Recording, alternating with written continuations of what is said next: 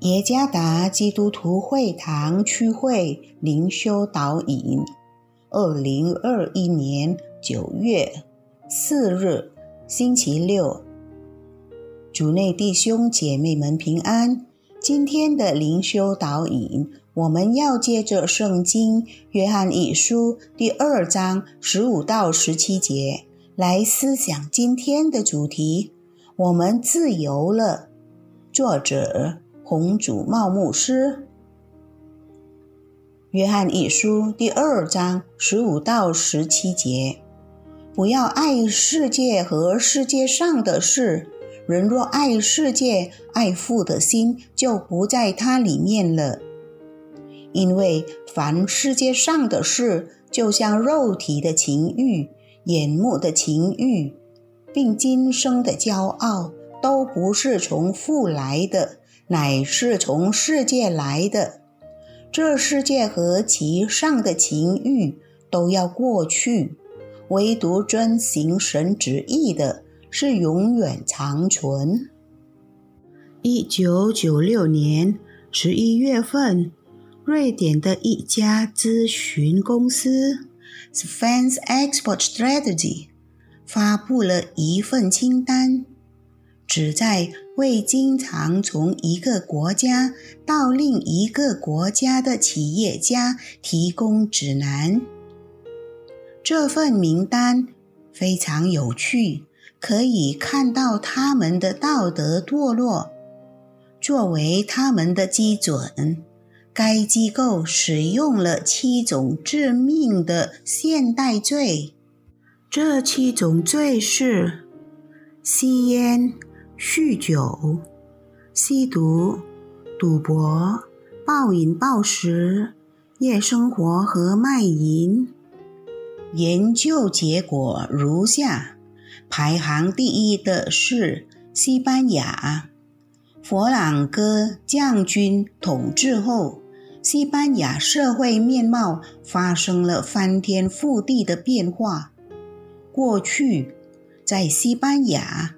人们为了躲避烈日而小睡，但现在他们的生活方式已经完全改变了。他们现在从深夜一直睡到中午，因为晚上忙着熬夜享受罪恶的夜生活。排行第二是法国。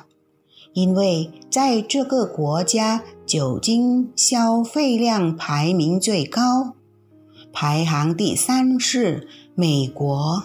因为滥用兴奋剂药物而无法控制了，排行第四是英格兰，排行第五是荷兰。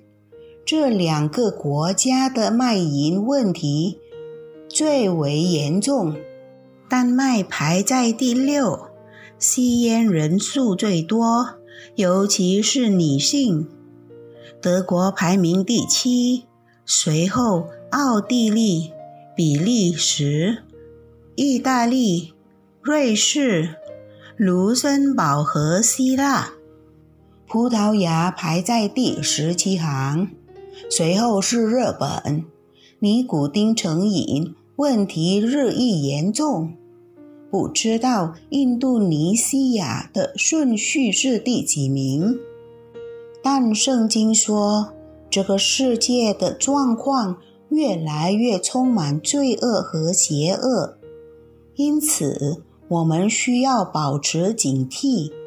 作为上帝的孩子，我们需要坚持不懈的。训练自己与上帝儿子基督的联合，遵行上帝话语的真理，遵行上帝的旨意，这是我们爱父而不是爱世界的一种形式。今天，上帝的话语提醒我们：这世界和其上的情欲都要过去。唯独遵行神旨意的是永远长存。第十七节，这是一个选择：随从世俗的欲望而被罪奴役，或是遵行神的旨意，体验完全的自由。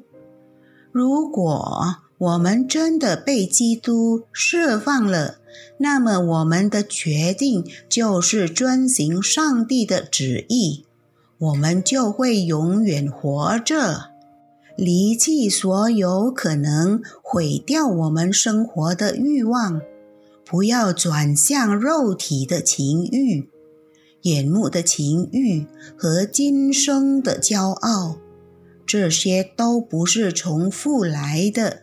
十六节，相反的，要顺着圣灵而行，举目仰望基督和他话语的真理，并在上帝和我们的邻舍面前谦卑。这清楚的证明我们已经被基督耶稣释放了。在基督里的自由是真正的自由。继续坚持活出那种自由，这清楚地证明你属于基督，不再属于罪。主耶稣赐福。